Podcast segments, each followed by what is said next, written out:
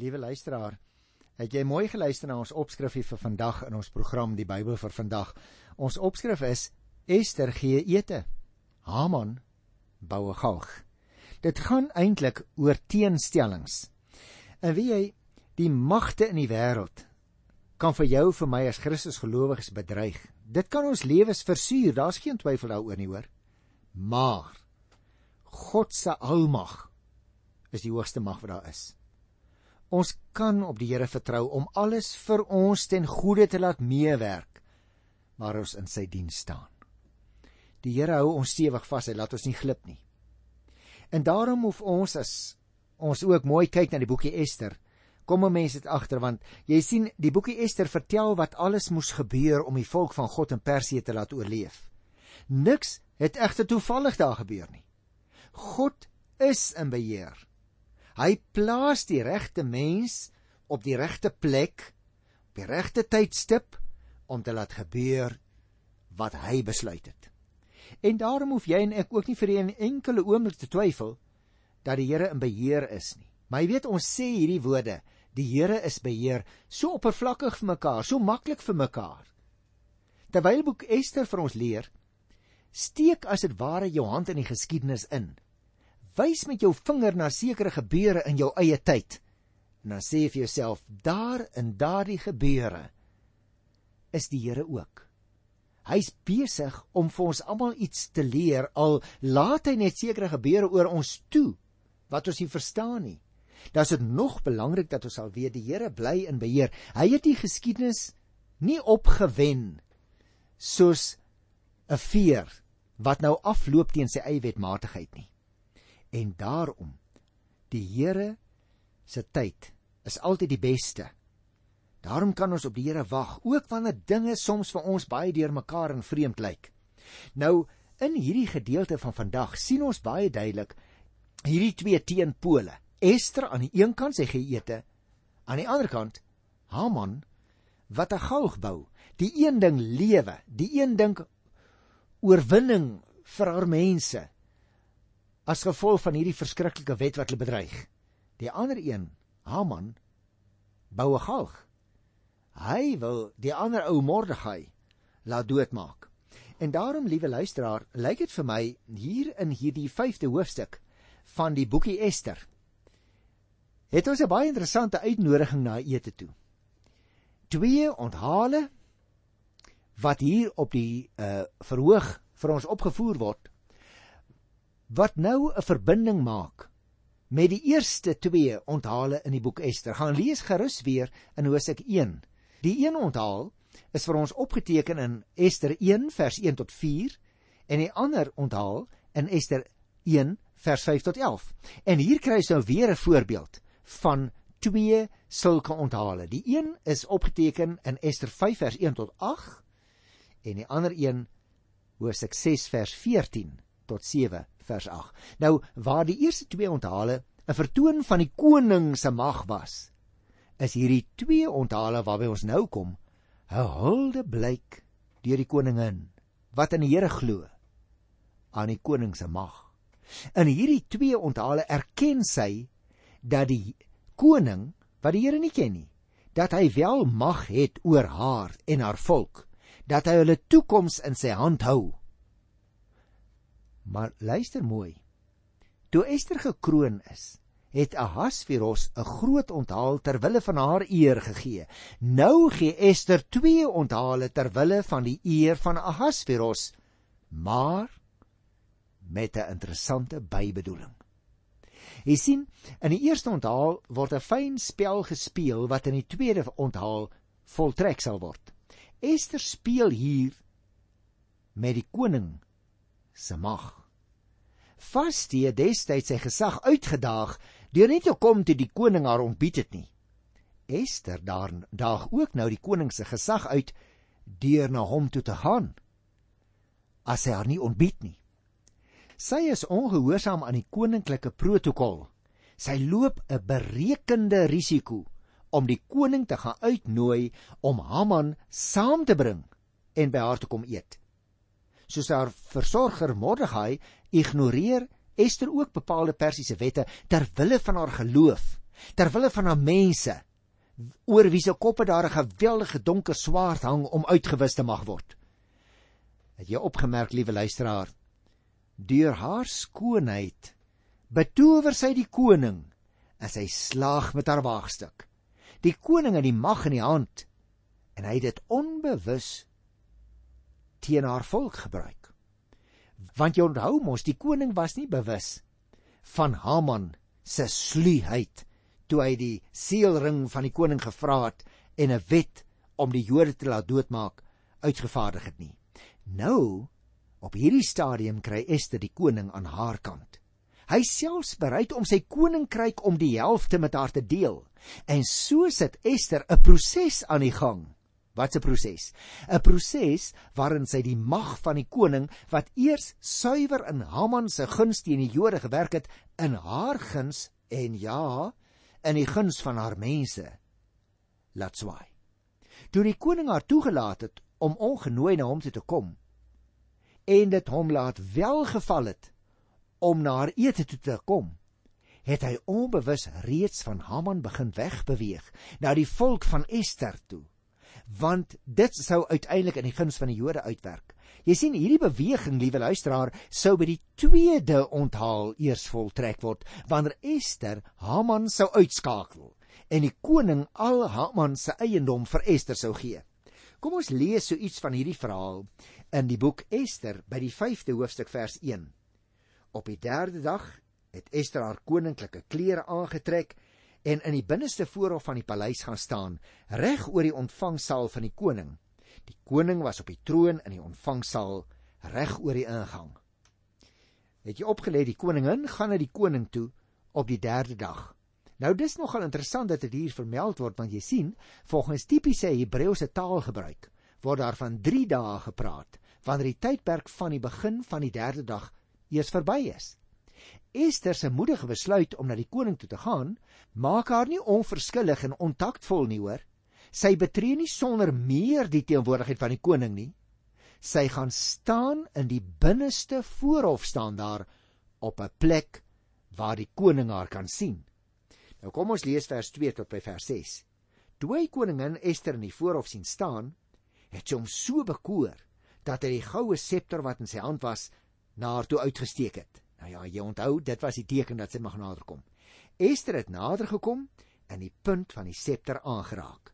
Die koning sê toe vir haar: "Wat kan ek vir jou doen, koningin Ester? Wat is jou versoek? Al is dit ook die helfte van my koninkryk, dit sal vir jou gegee word." Toe sê Ester: "As u dit goed vind, kom dan vandag saam met Haman na 'n maaltyd toe wat ek vir u voorberei het." Die koning beveel toe: "Bring gou vir Haman dat ons kan doen wat Ester vra. Die koning en Haman is toe na die maaltyd toe wat Ester voorberei het vir hulle. Terwyl hulle wyn drink, vra die koning vir Ester: "Wat is dit wat jy wil vra? Dit sal jou gegee word. Wat is jou versoek? Al is dit ook die helfte van my koninkryk, dit sal toegestaan word." Het jy mooi opgelet daar by die tweede vers, liewe luisteraar, die koning steek die goue septer na haar toe uit juis as 'n teken dat sy nie doodgemaak sal word nie. Ons het al daaroor gesels ook by die 11de versie van hoofstuk 4. Jy sal onthou toe ek dit behandel het. En nou is die koning so bekoor deur die skoonheid van koningin Ester en ook deur haar charme dat hy haar 'n buitengewoon gulhartige aanbod maak. Hy sê selfs die helfte van my koninkryk kan jy kry as jy my dit sou vra. Daarom in die 4de vers kry ons die uitdrukking as u dit goed vind in Ester se mond. Met ander woorde, dit is 'n beleefdheidsformule wat selfs Ester in die teenwoordigheid van die koning gebruik. Sy storm nie sommer daarin nie. Sy weet hoewel sy die koningin is, is sy in lewensgevaar. Sy bly 'n onderdaan en hy bly God, want onthou die perse het hulle konings aanbid as gode. As 'n mens vers 5 en 6 baie goed lees, waar uh, die koning nou sê nou maar bring dan nou gou vir Haman dat ons kan doen wat Ester vra, dan lyk dit vir my die skrywer laat die spanning so bietjie verder oploop deurdat Ester haar wens nie by die eerste maaltyd bekend maak nie, maar eers by die tweede maaltyd waarby ons nog sal kom in hoofstuk 7 by die 12de vers. Nou goed, kom ons lees hier dan by vers 5 'n bietjie verder dat ons daarom kan vorder, né? Vers 7 tot by vers 9. My wens en my versoek is soos volg, sê Ester. As die koning my goedgesind is en as die koning dit goed vind om aan my wense voldoen en my versoek toe te staan, kom dan môre saam met Haman na die maaltyd wat ek vir u sal berei. Dan sal ek my wens aan die koning bekend maak. Haman het die dag bly en opgeruimd weggegaan. Maar toe hy vir Mordegai in die poort van die paleis sien sit en Mordegai staan nie op om aan hom eer te bewys nie, was hy woedend vir Mordegai. Nou, liewe luisteraar, jy sal onthou dit is juis waar die probleem begin het. Omdat Mordegai 'n toegewyde Jood was wat geen ander mense aanbid het nie, geen ander gode erken het nie, daarom wou hy wat Mordegai is nooit voor hierdie man Haman buig nie. En dit is nou sy uiteinde. Hy is nou ook in lewensgevaar, maar die oomblik toe Hanan hom sien, toe is Haman weer vies vir Mordegai. Nou in hierdie klein toneeltjie waar die prent so 'n bietjie wissel, kry ons dan die verhaal van hoe dat Haman of woedend omdraai, wegstap en hy gaan boue galg. Nou jy sal opmerk in hierdie episode gaan die beweging wat Ester aan die gang gesit het voort, bou die spanning al verder op. Haman se uiteindelike ondergang word hier nog sterker gemotiveer. Sy haat, sy oormoedigheid kom heeltemal tot 'n hoogtepunt wanneer Mordegai weer nie voor hom wil buig nie en hy selfs nie eens opstaan wanneer Haman by hom verbyloop nie. Hy word hier geteken as 'n dwaas wat te gelykheid twee uiterste emosies in sy binneste ervaar. Aan die een kant loop sy beker oor nou dat die koning aan hom die hoogste eer gegee het wat daar in die land is en selfs die koningin hom uitgenooi het om saam met haar en die koning te eet. Andersyds kom sy fete teen Mordegai by 'n oorlooppunt wanneer hy 'n hoë galg laat bou en sy plan is om die Jode daarin te laat ophang, né? Dit lyk vir my dis liewe luisteraar die ironie van die saak is dat die koningin hom nie saam na die ete toe genooi het om hom te vereer nie, maar juis om hom te verneder en hom buite aksie te stel. Maar dit besef hy self nie. Wat hy ook nie weet nie, is dat daardie galf die einste plek is waar hy aan sy eie oneervolle lewe gaan kom. Hy is die tipiese dwaas wat 'n gat grawe vir 'n ander een en dan val hy self daarin. So Spreuke 26 by vers 27 'n mens lees. En daarom wil ek graag hierso vers 7 tot by vers 9 'n bietjie dit net herhaal dat ons dit goed kan verstaan. Ester het geantwoord: My wens en my versoeke soos volg: As die koning my goedgesind is en as die koning goed vind om aan my wens te voldoen en my versoek toe te staan, kom dan môre saam met Haman na die maaltyd toe wat ek vir u sal berei. Jy sien liewe luisteraar, die maaltyd is ter ere van die koning, want hy verteenwoordig die owerheid, soos Paulus sê in Romeine 13. Ons moet die owerheid gehoorsaam wees.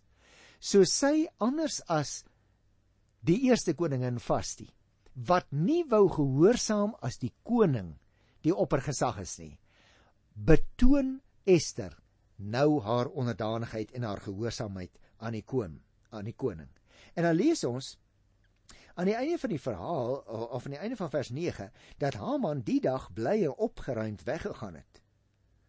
Hy dink, "O, oh, sy het 'n bietjie eer aan my betoon. Sy kom seker nou reg hierdie Jodin." Maar toe hy buitekant kom en hy sien Mordegai, haar oom, toe is hy dadelik weer die duiwel in.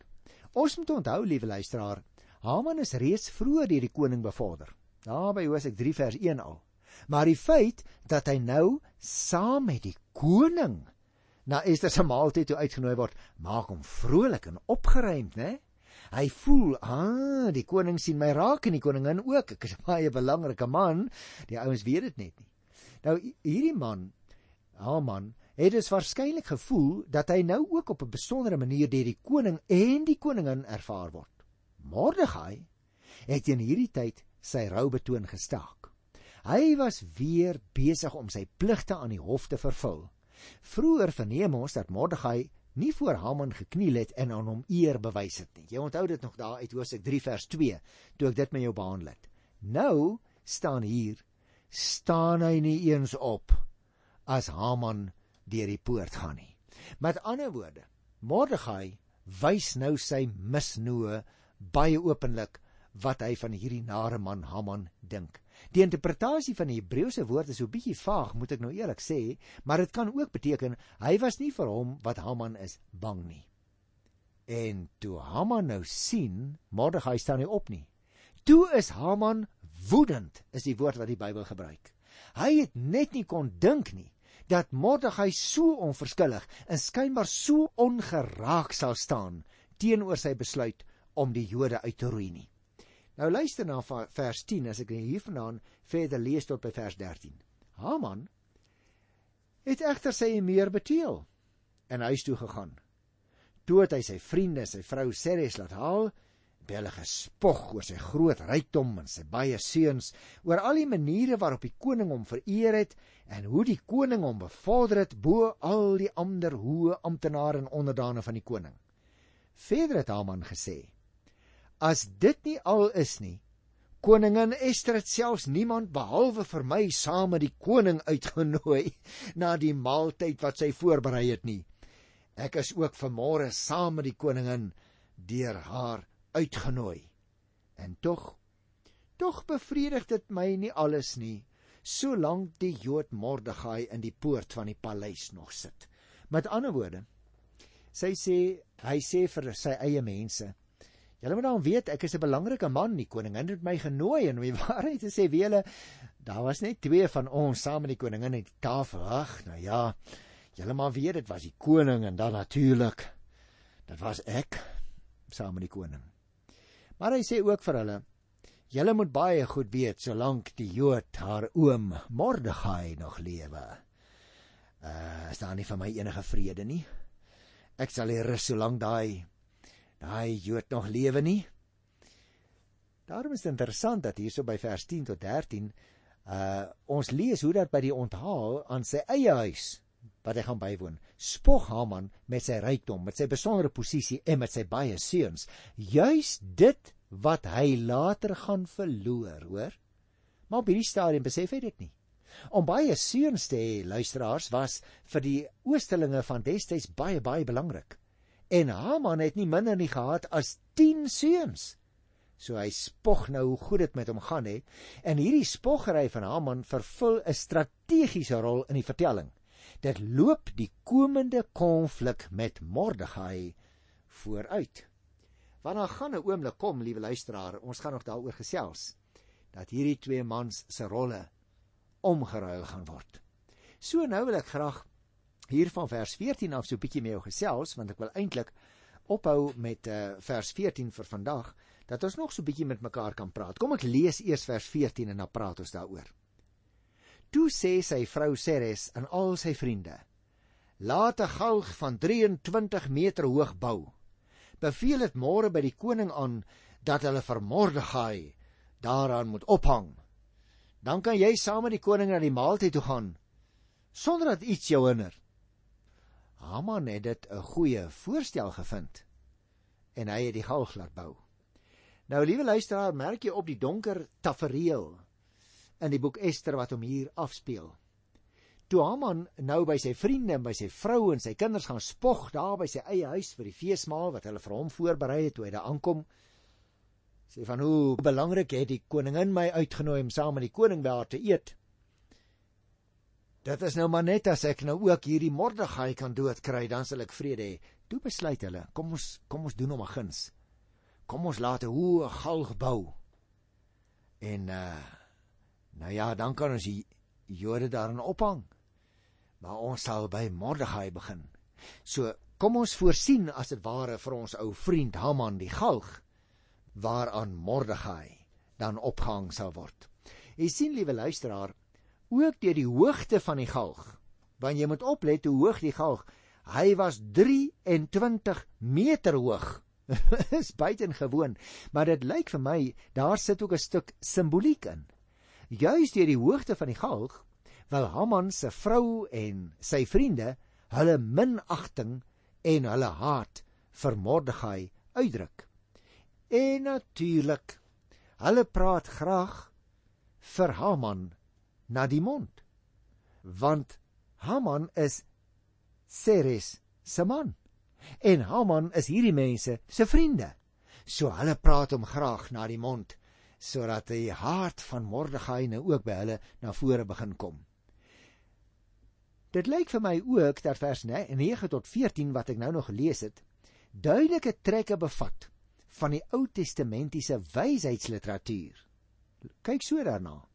Haman en sy vriende word geteken as dwaase wat deur hulle optrede hulle eie ondergang bewerk. Ek het net nou ook na daardie teks verwys.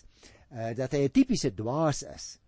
Uh van wat in Spreuke 26 vers 27 staan. As 'n mens vir iemand anders 'n gat grawe, dan val jy self daarbey in.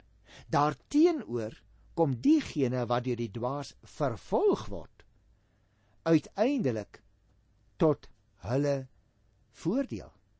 Hulle word soms vereer. Jy sien liewe luisteraar, so gaan dit maar met mense wat met mag heel en dit inspan daardie mag wat hulle het om hulle eie haat en nait te laat botvier.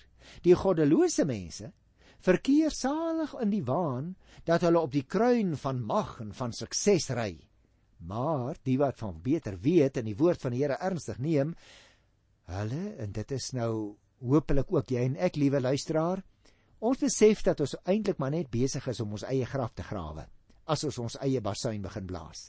Die magtiges van die wêreld maak ons dikwels paniek bevange met hulle mag en met hulle geweld. Maar dit is hulle uiteinde wat ons laat besef wie in werklikheid in beheer van die wêreld is. En daarom moet jy en ek ons ook nie op loop laat jaag, liewe luisteraar, deur allerlei vorms van mags vertoon nie. Moenie skrik as ryk mense met hulle groot duur karre by jou verbyry. En soms moet jy self langs die pad stap nie. Die een, en ek wil sê, kom ons skryf een met 'n hoofletter, liewe luisteraar. Die een wat die werklike mag het, is ons Vader wat in die hemel is. En daarom is dit vir jou vir my belangriker om in die breë lyne van die geskiedenis te sien. Die Here is in beheer. Ja, hy is in beheer wanneer die aarde om sy eie as wentel. Die Here is in beheer wanneer die aarde in sy eie baan om die son wentel in 365 en 'n kwart dae. Maar wie wat? Die Here is ook in beheer daar waar jy en ek in gehoorsaamheid voor hom buig na bidding. En daarom is die teenstelling van hierdie 5de hoofstuk uit die boek Ester baie duidelik. Ester gee ete. Haman en sy vriende bou 'n galg. Twee teenpole. Ja, die lewe is so. Jy kry daardie twee soorte mense ook in die Ou Testament. Onthou jy die verhaal van Kain en Abel? Daar in die Ou Testament by Genesis 4 waar dit duidelik vir ons word hoe dat daar een mag ek dit sê slegte mens is, Kain, wat sy broer wie se offer aangeneem word omdat hy die Here dien Abel doodmaak? Hulle is eintlik maar net twee tipes van goeie mense en slegte mense in die wêreld. En daarom moet ons onthou hier kom ook iets daarvan na vore. Aan die een kant Ester gee ete. Daarteenoor Haman en sy vriende boue gaag. Liewe vriend, my liewe vriendin, In watter groep bevind jy jou op hierdie stadium van hierdie lewe? Want daar's net twee groepe. Ek groet jou in die wonderlike naam van ons Here Jesus Christus. Tot volgende keer.